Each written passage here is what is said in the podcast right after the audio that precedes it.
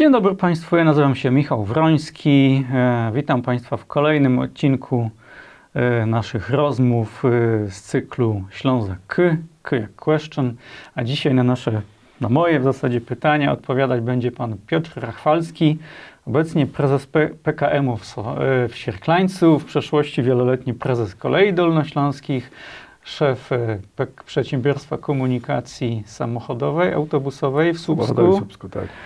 I generalnie ekspert. Kilku innych firm. I tak. kilku innych firm, tak, tak, wiemy o tym. I generalnie ekspert do spraw transportu zbiorowego.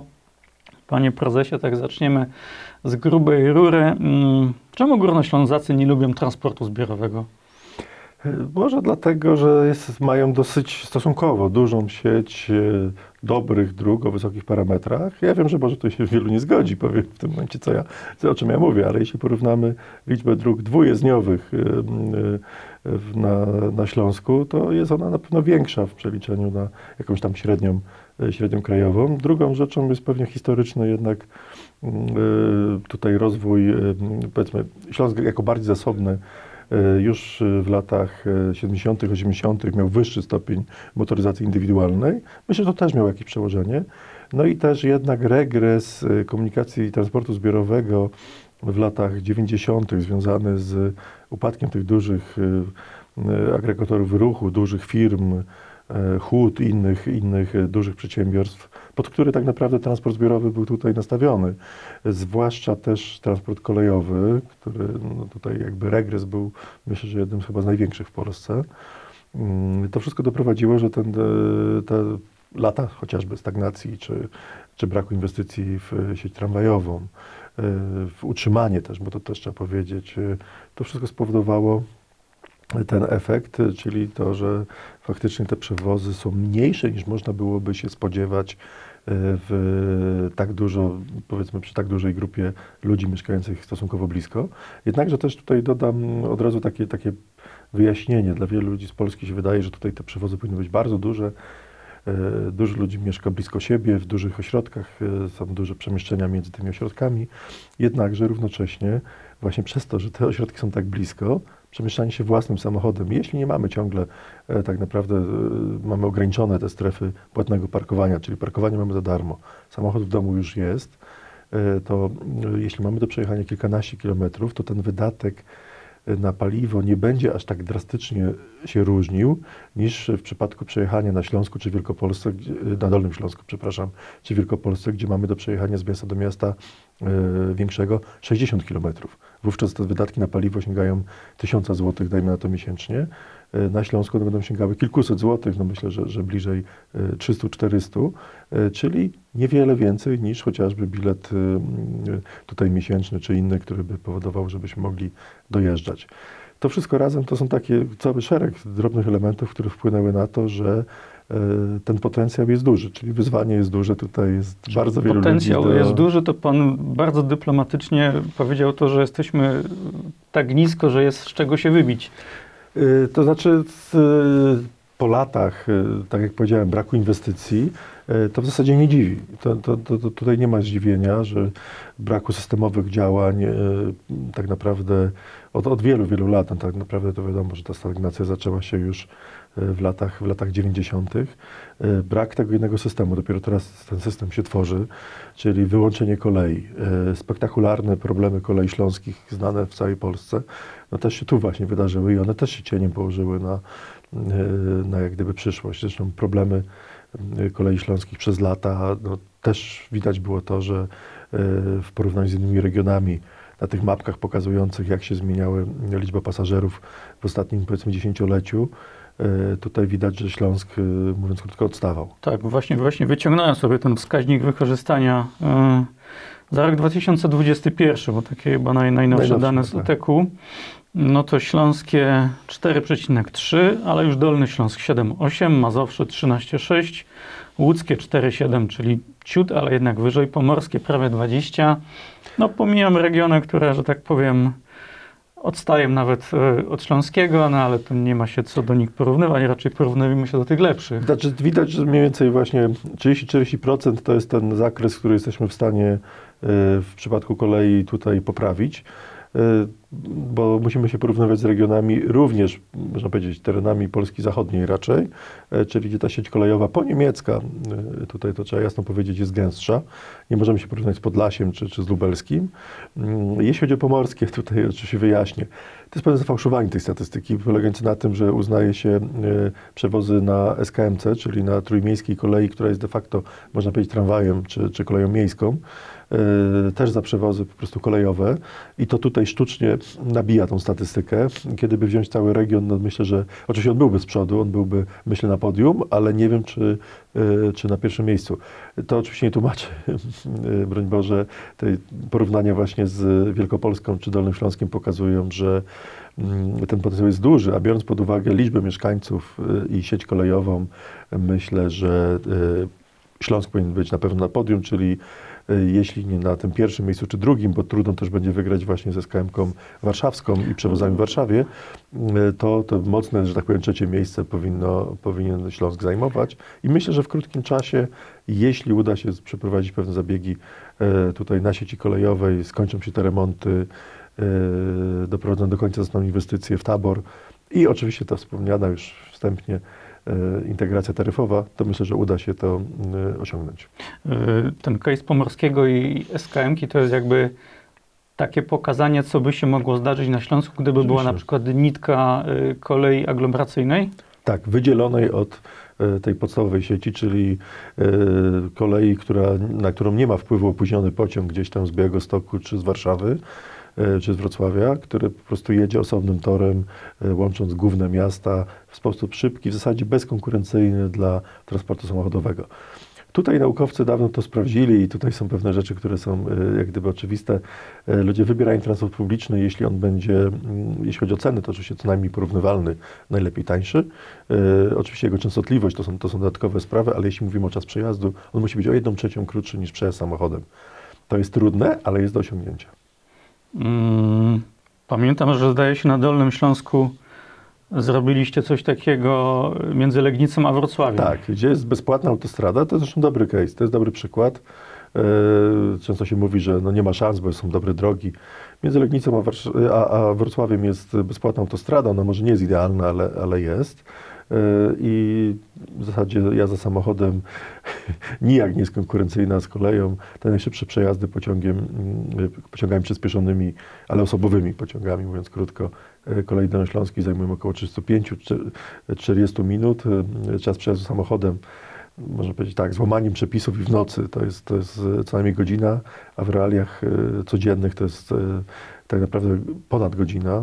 Mówimy oczywiście z centrum do centrum, a nawet i półtorej. A druga rzecz, że właśnie nieprzewidywalność tego odcinka, bo tam co chwilę są e, jakieś wypadki, zdarzenia, które powodują utrudnienia w ruchu, to powoduje, że w zasadzie no można powiedzieć, nikt normalnie, albo normalny, chciałoby się powiedzieć, w tej chwili między Legnicą a Wrocławiem nie jeździ samochodem. To jest po prostu głęboko nieopłacalne pod każdym względem. Jednakże mamy tam ofertę w szczycie trzech par połączeń na godzinę co najmniej, czyli mamy co 20 minut pociąg, poza szczytem mniej więcej co pół godziny, w zasadzie przez cały dzień. E, Najdalej te przerwy są, są właśnie około pół godziny, 40 minut, więc zasadniczo ta oferta jest bardzo dobra i to powoduje, że bardzo wiele osób korzysta z tych połączeń. Widzi Pan gdzieś tu na Górnym Śląsku Zagłębie odcinek, który mógłby, y, na którym można by coś takiego wykonać? Znaczy trzeba popatrzeć oczywiście jak idzie, jak idzie układ y, tak naprawdę dróg, które obecnie się korkują. Czyli tak naprawdę wiadomo, że tutaj generatorami, generatorami ruchu są te duże miasta, jak Katowice czy Gliwice. E, No i oczywiście tak jak te, te plany, które były, tutaj nie ma żadnych, żadnych jakby nowości, tu się nie odkryje Ameryki. Jeśli powiemy, że mm, y, plany niezrealizowane, plany, z których się wycofano, gdzie pozostały jeszcze wiadukty po planach e, szybkiej kolei, która była planowana jeszcze za e, poprzedniego systemu, e, czyli od Dąbrowy Górniczej e, w dół przez, przez Katowice e, do Gliwic i ewentualnie dalej. E, To byłoby, e, czyli dublowanie de facto istniejącej sieci przez dodatkowe dwie, dwa dodatkowe tory, szybkie tory aglomeracyjne e, z nową siecią tak naprawdę stacji dopasowanych do, e, do, do powiedzmy też e, nie, nie, nie historii, bo, bo mamy ciągle ten układ stacji historyczny. Popatrzmy nawet e, tutaj, no, piękna stacja e, Ruda Śląska Hebdzie, ale ona jest z boku. To się dzieje trochę gdzie indziej, to życie, można powiedzieć, miasta. No i tutaj z całą pewnością wybudowanie takiej niezależnej, e, niezależnej nitki szybkiej kolei miejskiej, szybkiej kolei metropolitalnej. E, W, w odcinku można powiedzieć generalnie wschód-zachód, a druga e, adekwatna powiedzmy e, północ-południe, e, e, to, to spowodowało, że myślę alternatywa w postaci samochodu, czy nawet jazdy autobusem wzdłuż tych linii kolejowych byłaby nieatrakcyjna. Mhm. E, Póki co na Śląsku w tej chwili chyba najgłośniej, najgłośniej, najgłośniejszą inwestycją kolejową to jest chyba nitka CPK-u. Ja wiem, ja wiem, że to się, że to się Tak. generalnie nie wpisuje w kolej aglomeracyjną, ale, ale tak jak jako, jako stary kolejarz, jak pan na to patrzy i widzi te transparenty nie dla kolei, to Tak, no niestety, to można powiedzieć, że to trudne, aczkolwiek e, tu może przypomnieć też historię e, kolei na lotnisku w Pyrzowicach, bo to jest taki ciekawy case. E, Jednak kilka lat temu, kiedy to się, temat się rozgrywał, żeby zrobić atrakcyjną, ja nie mówię o tym, co obecnie jest realizowane, bo to, co obecnie jest realizowane, umówmy się, nie jest atrakcyjne jako dojazd na lotnisko dla większości mieszkańców metropolii. E, Szybciej będzie dojechać autobusem, samochodem, czymkolwiek niż pociągiem, to powoduje, że to nie jest atrakcyjne. Ale w momencie, kiedy kilka lat temu, czy kilkanaście może, planowane były e, chociażby autostrada A1, wzdłuż której można byłoby na znacznym odcinku puścić e, w tym samym korytarzu, w którym już mamy jak gdyby jedną uciążliwą inwestycję liniową, puścić chociażby właśnie kolej, e, eliminując bardzo wiele konfliktów e, gdzieś tam po drodze. Mm, Kilka samorządów dosłownie było przeciw, przypomnijmy to. Dlaczego? Bo co oni widzieli? Kolej wówczas to były pociągi raz na 2-3 godziny, brudne, stare.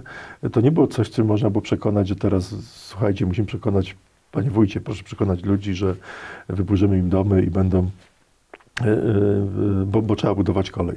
Wówczas kolej nie była atrakcyjna, nie było to żadnym magnesem, nawet dla gmin. Teraz e, gminy wiedzą dobrze, że dobra kolej, e, to widać po gminach, chociażby na Dolnym Śląsku, e, walczą o dobry dojazd kolejowy, składają się dodatkowo finansowo na te przewozy, ponieważ co się dzieje? Zarabiają na działkach więcej. Gminy zarabiają na sprzedaży działek, czy ściąganiu chociażby mieszkańców Wrocławia poza Wrocław, tym mówię o przypadku Wrocławia.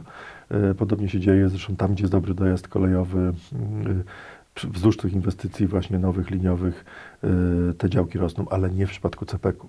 Ta linia dużych prędkości typu właśnie CPK, tam działa taki efekt tunelowy. Ludzie nie mają korzyści, a mają same uciążliwości. mhm. Czyli nie mają szybkiego dojazdu. Można przekonać, dobra, muszę poświęcić kawałek ogródka, ale dzięki temu, po pierwsze, mój dom, jego wartość działki wzrośnie, ponieważ nagle się okaże, że za 15, w 15 minut mogę być w centrum Katowic.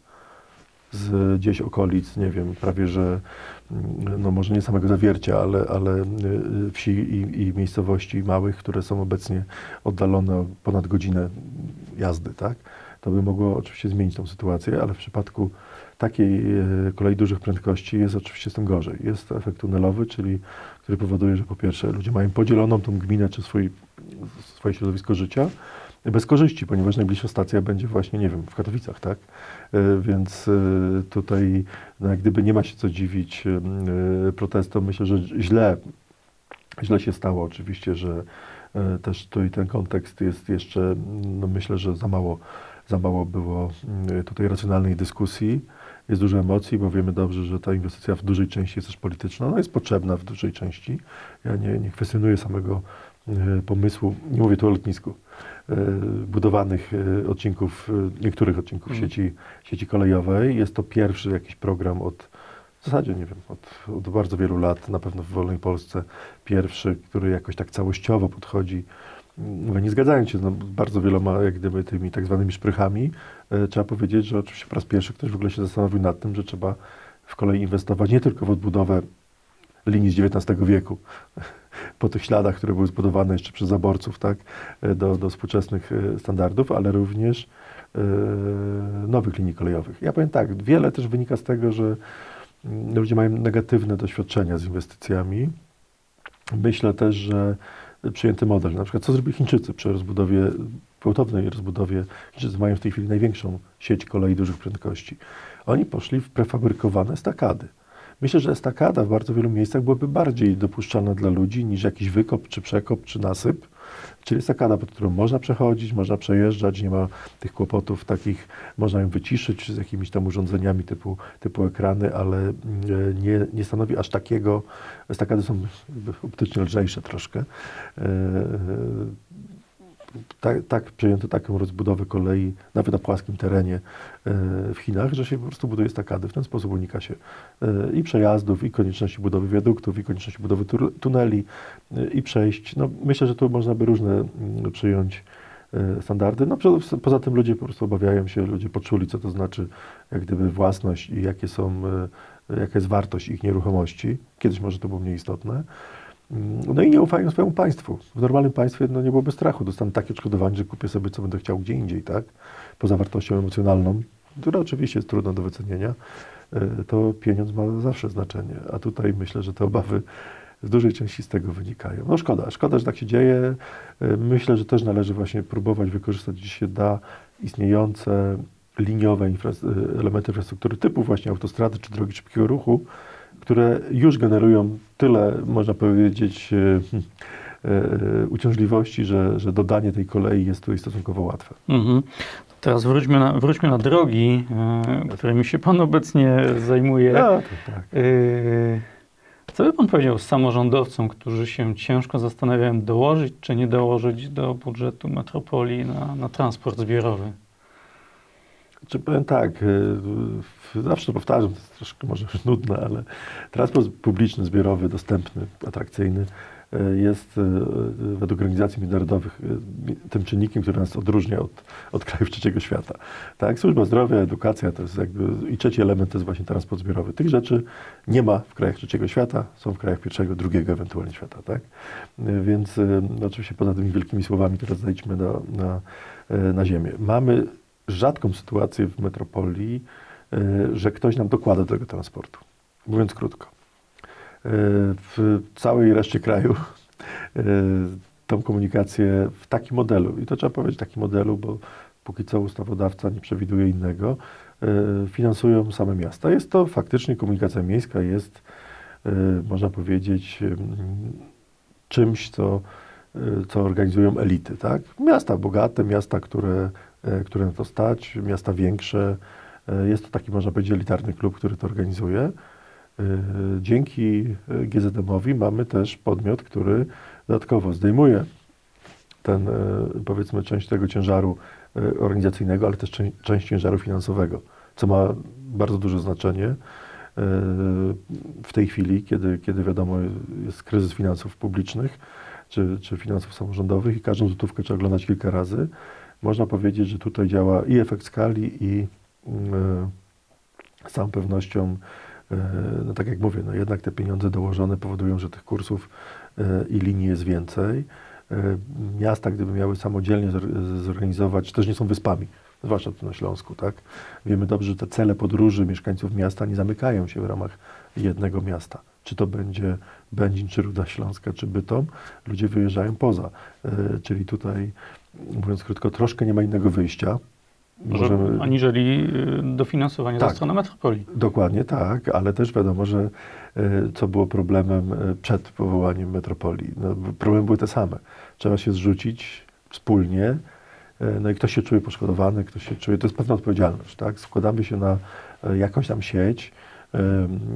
Tutaj zawsze ktoś powie, że u mnie, nie wiem, tylko przejeżdżają autobusy, tak, a, ale to jest pewna, no niestety, jakby to powiedzieć, Szlachectwo zobowiązuje, jak mówią Francuzi, noblesse oblige, czyli jeśli chcemy być metropolią i chcemy być, nie wiem, e, dajmy na to Katowice, tak, stolicą e, aglomeracji, to trzeba się zachowywać jak stolica, tak? Trzeba się, jeśli chcemy być miastem prezydenckim i, i nowoczesnym i traktowanym w ten sposób, no to mamy pewne obowiązki, tak? Tym jednym z obowiązków jest dorzucanie się po to, żeby nie inwestować za dużo później w drogi, które nam kurkują ci obcy, którzy przyjeżdżają z daleka, bo nie mają innej alternatywy i przejeżdżają przez nasze miasto, tak, samochodami osobowymi z okolic, nie wiem, Tarnowskich Gór czy dalej, bo muszą dojechać do pracy, a my nie stworzyliśmy, nie rzuciliśmy się, więc nie mamy dobrej alternatywy e, i musimy inwestować już nie te miliony, ale dziesiątki milionów w sieć drogową, w jej rozbudowę, w jej utrzymanie, o czym się niestety zazwyczaj nie mówi. Nie porównujemy tutaj nakładów, proszę zwrócić uwagę, e, na sieć drogową, nawet na jej utrzymanie i rozbudowę, e, z e, tym, co, co miasta przeznaczają na komunikację miejską. Także to tu troszkę jest, no można powiedzieć, że dużo do zrobienia, jeśli chodzi o taki no, ten zrównoważony transport, jak to, jak to ładnie brzmi. Miasta się zastanawiają, czy dorzucić na bieżące funkcjonowanie komunikacji, a tymczasem w komunikacji szykują się e, taborowe nowinki, eksperymenty, nie wiem jak to nazwać, e, tabor wodorowy. Między innymi do PKM-u Świerklaniec ma zawitać. E, tak w największym skrócie, po co on nam? Jeśli chcemy, znowu, jeśli chcemy poważnie traktować te wyzwania przyszłości, to musimy troszkę wyjść poza te nasze no, bieżące jakby problemy. Jeśli mówi się na całym świecie o, o kwestiach klimatycznych, to przynajmniej należy spróbować, spróbować zmierzyć się e, e, z tymi wyzwaniami, a nie od razu, że tak powiem, wywieszać białą flagę. Mm, Myślę, że ma to szczególne znaczenie y, teraz, kiedy y, no, chociażby sytuacja z wojną na Ukrainie pokazała, że pewna stabilność cen jest, y, jest tylko czasowa. Że my nie wiemy, czy, czy za niedługo olej napędowy nie będzie, jak kraje OPEC się umówią z Rosją, y, czy, czy, czy nie będzie kosztował 10 zł, czy, czy benzyna, tak? I wtedy się okaże, no to ktoś powie, no gdzie te władze, które miały coś zaproponować, a nic nie ma. Y, Wodór jest jedną z dróg i wydaje się nawet, że docelowo, mm, znaczy inaczej, zresztą większe nadzieje związane z wodorem w komunikacji, w transporcie zbiorowym i kolejowym i autobusowym y, niż z prądem. Ja wiem, że dla wielu to może być szokiem. Y, Samochody elektryczne stają się bardzo popularne. Niestety autobusy elektryczne mają bardzo wiele ograniczeń i y, niestety akumulatory są ciężkie. Dużo energii idzie na właśnie wożenie tych akumulatorów. Y, Zasięgi są mniejsze niż w przypadku czy to właśnie tradycyjnego napędu, czy, czy wodorowego. Więc tego no niestety od władzy publicznej no należy oczekiwać, że też będzie no jednak promowała pewne nowe rozwiązania, bez, ale to trzeba powiedzieć sobie, bez gwarancji, że to się uda. Ja tutaj podam przykład, no nie będę mówił którego miasta, ale y, jeszcze kilka lat temu sam byłem zwolennikiem y, walki i starań, żeby Polska starała się o dopuszczenie gazu CNG, LNG jako paliwa przejściowego dla komunikacji publicznej, y, zamiast właśnie wodoru czy zamiast napędu elektrycznego. Y, I, I wydawało się, ja też miałem na testach autobus y, gazowy, y, w zasadzie porównywalny był, jeśli chodzi o koszt eksploatacji, o koszt zakupu również, także wydawało się, że to jest super rozwiązanie, tak?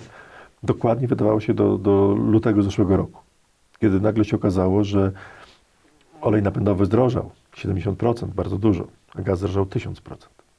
I nagle wszystkie te wyliczenia, inwestycje, firmy, które postawiły na przykład i przeszły całkowicie, także na Śląsku, na transport y, autobusami napędzanymi na CNG, LNG, nagle się okazało, że nie mają czym jeździć. I w popłochu kupowały, pożyczały autobusy, ponieważ no, nie było ich stać na to, żeby płacić 10 razy tyle za, e, za napęd. Mhm. Także jak widać, nie ma pewności. Musimy dywersyfikować, patrząc, który trend tak naprawdę wygra. Jesteśmy w tym momencie na, rozdro- na takim rozdrożu.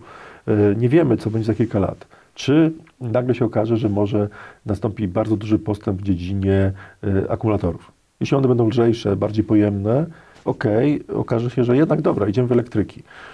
E, Być może będzie to właśnie wodór. E, Wiemy już, że raczej właśnie nie gaz i nie, nie olej napędowy. Istnieją jeszcze inne drogi, typu właśnie na przykład superkondensatory. Była taka nadzieja, że superkondensator, czyli taki kondensator, który ładuje się w sekundę i daje na przykład możliwość przejazdu, no strzelam, do następnego przystanku, tak? Jeśli by to do tego dostosować infrastrukturę przystankową, e, mogłoby się to wydawać e, też jakąś drogą. Unikamy wtedy tych ciężkich, jak wspomniałem, akumulatorów. W tej chwili nie wiemy, musimy próbować. Jasne, że jest to kontrowersyjne, zgadzam się z tym, jednakże sam zakup póki co jest o tyle opłacalny, że dofinansowany w 90% e, czy nawet więcej czasami e, przez e, fundusze ochrony środowiska, więc jako taka jest to z całą pewnością, można powiedzieć, inwestycja, którą, którą należy podjąć, by spróbować by być przygotowanym na w razie chociażby jakichś kryzysów. Okaże się, że, że na skutek właśnie, nie wiem, braku ropy czy jakiejś kolejnej wojny może się okazać, że te, te pojazdy będą bezcenne. Mhm. Czyli rozumiem, że, że docelowo, tak hipotetycznie, w perspektywie dekady y, flota PKM-ów, to co, będą Głównie pojazdy wodorowe? Myślę, że będą dokładnie po, tak pi razy drzwi po jednej trzeciej. Y, Elektryczne, bo one mają swoje zalety i zwłaszcza w śródmieściach miast, przy krótkich trasach, gdzie mamy często możliwość ładowania, to y, w tych PKM-ach, które obsługują właśnie y, y, duże miasta, właśnie gdzie te trasy nie są zbyt długie, ma to większe uzasadnienie niż na przykład u nas, kiedy my mamy trasy powyżej 50 km, prawie, że można powiedzieć po wsiach, y, ten zasięg elektryczny wtedy jest mniejszy. Y, Wodór, tutaj, no, tak jak powiedzieliśmy, jest wielki znak zapytania. Y, To zależy od rozwoju tej technologii, mm, od dostępności tego y, samego wodoru i jego ceny. Y, Póki co wydaje się, że to jest najbardziej jak gdyby racjonalnym paliwem przyszłości. Ja nie mówię, że do wszystkich samochodów, ale właśnie dla transportu zbiorowego, bo to jest stosunkowo łatwe, żeby te bazy, stacje zasilania i tak dalej wodorem lokalizować w jakichś, no powiedzmy, kilku miejscach. Nie wiemy, jakie będą ceny docelowo rozwoju tego dla na przykład mniejszych pojazdów, ale w przypadku dużych, jeśli ten postęp będzie utrzymany, a żeby utrzymany niestety musi być rynek. E, Pojawiają się podmioty prywatne. Ja zakładam, że jest to jakaś korzyść, ponieważ jeden z wielkich, jeden z najbogatszych Polaków zainwestował w produkcję autobusów e, wodorowych. Myślę, że ten człowiek nie robi czegoś bez e, szczegółowych analiz i bez perspektyw. Co prawda my również jak gdyby chce oferować e, wodór z własnych zakładów, e, ale to jest, e, widać, że, że wydaje się, że właśnie nie elektryczne autobusy, tylko, mm, tylko wodorowe mogą być tą przyszłością i około, myślę, połowy pewnie ich będzie. Jeśli chodzi o olej napędowy, ja bym się z nim nie żegnał. Jeszcze przez wiele, wiele lat będziemy z nim. Normy współczesne, dodatki AdBlue i inne, które powodują, że te autobusy, czasami się śmieję, ale myślę, że one mm, wypuszczają spaliny czystsze niż powietrze, które wpuszczają. Także niestety bardziej ta niska emisja z pieców jest chyba bardziej w tej chwili uciążliwa, co widać zimą, niż te zanieczyszczenia z autobusów z normą Euro 6, tą nową normą Euro 6. To jeszcze na koniec, y, kiedy pierwsze wodorowce na, na ulicach metropolii? E, Przetarg właśnie zostały otwarte, otwarte oferty e, w pierwszym półroczu przyszłego roku. To jest dosyć optymistyczne, ale myślę, że, że realne, że około wakacji przyszłego roku pierwsze wodorowce się pojawią, przynajmniej z tego projektu. No to będziemy śledzić. Dziękuję w takim razie za rozmowę. Dziękuję i zapraszam do skorzystania z transportu publicznego. Miliardy z naszych kieszeni idą na ten transport. Warto z niego skorzystać. To jest argument. Dziękuję.